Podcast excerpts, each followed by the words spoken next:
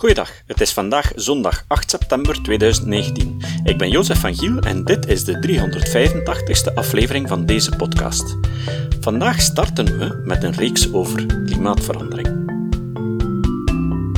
Hoe werkt klimaatverandering? Inleiding. Op Twitter is er iemand die zichzelf Occam's scheermes heeft gedoopt. Jan Jacobs, de man achter dit Twitter-account, is tevens journalist bij de website Doorbraak. Trouwe luisteraars van deze podcast kennen het begrip Occam's scheermes natuurlijk.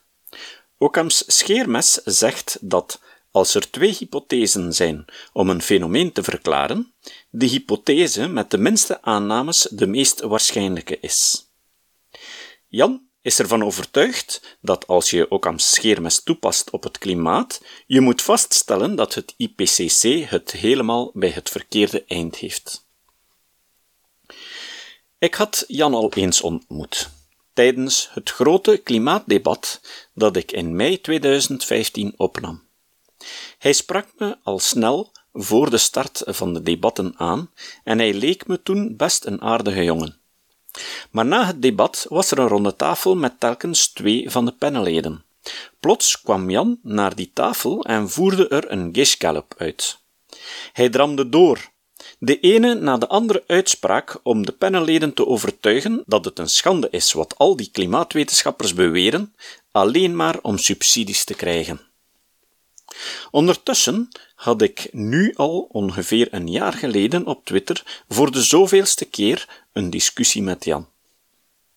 Meestal probeer ik ze te vermijden, maar niet altijd. Ik zie daar nogal tegenop, want hij komt meestal met een hele race argumenten.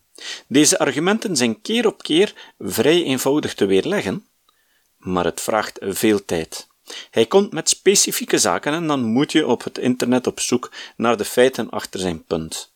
Het lijkt op dweilen met de kraan open. Hij weerlegt jouw tegenargumenten ook niet. Hij komt gewoon met andere zaken af. Dus heb ik toen beslist om nog eens een aflevering te plannen waarin ik systematisch een verzameling feiten zou overlopen over waarom de klimaatverandering een feit is en waarom klimaatontkenners het gewoon fout hebben.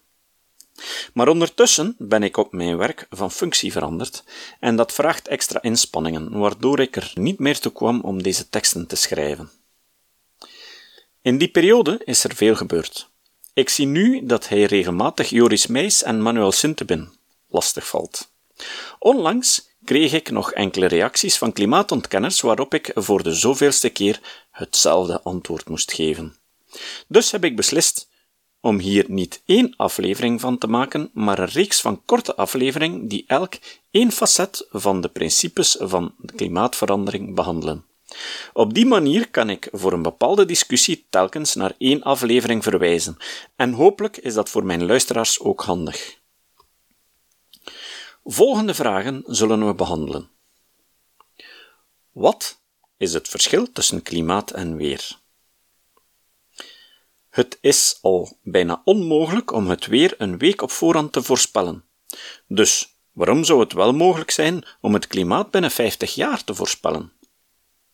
De wetten van de thermodynamica zijn belangrijk in dit verhaal. We gaan daar dus een beetje uitleg over geven. Een belangrijk begrip daarbij is: wat is een open systeem? Wat is een broeikasgas en hoe werkt het? Water is ook een broeikasgas en komt veel meer voor in de atmosfeer. Dus waarom zou dat kleine beetje CO2 ook maar van enige invloed zijn? Het overgrote deel van de CO2 in de atmosfeer heeft een natuurlijke oorzaak. Slechts 4% per jaar komt van de mens. Waarom zou het menselijke deel dan enig belang hebben? Waarom denken we dat de mens verantwoordelijk is voor de huidige klimaatontregeling. Het klimaat is een complex systeem, dus waarom zouden we denken dat we het kunnen doorgronden? Waarom zouden we simulaties moeten betrouwen? Wordt de theorie door empirische gegevens gestaafd? En wat nu? Kunnen we er iets aan doen? Ik zal proberen om elke aflevering ongeveer 10 minuten lang te maken. Maar ik zal in die periode ook de frequentie van de afleveringen proberen op te krikken naar één per week. Tussendoor zullen er ook nog live-opnames komen. Kan de bewering van Jan Jacobs dat hij Occam's scheermes handhaaft nog stand houden? Ik hoop dat ik jullie tegen het einde van deze reeks van het tegendeel overtuigd heb. Het citaat. Het citaat van vandaag komt van Hans Rosling. In zijn boek Feitenkennis schreef Rosling ik hou van deskundigen op een bepaald vakgebied en zoals iedereen zou moeten doen, leun ik voor mijn beeld van de wereld zwaar op hun kennis. Deskundigen zijn alleen deskundig op hun eigen terrein. Dat kan voor deskundigen lastig zijn om toe te geven. Tot de volgende keer. Dit was de podcast Kritisch Denken. Vergeet niet om alles kritisch te behandelen, ook deze podcast. Voor verdere informatie over deze podcast, links en voor de tekst, surf naar www.kritischdenken.info. Als je deze podcast belangrijk vindt, kun je me steunen door anderen warm te maken ook eens te luisteren. Stuur een e-mail naar vrienden met een link naar de website en plaats de link in de handtekening van je e-mails. Tevens kun je op iTunes deze podcast een beoordeling geven of een recensie schrijven. Of je kan op je eigen website of blog een link naar kritisch denken plaatsen.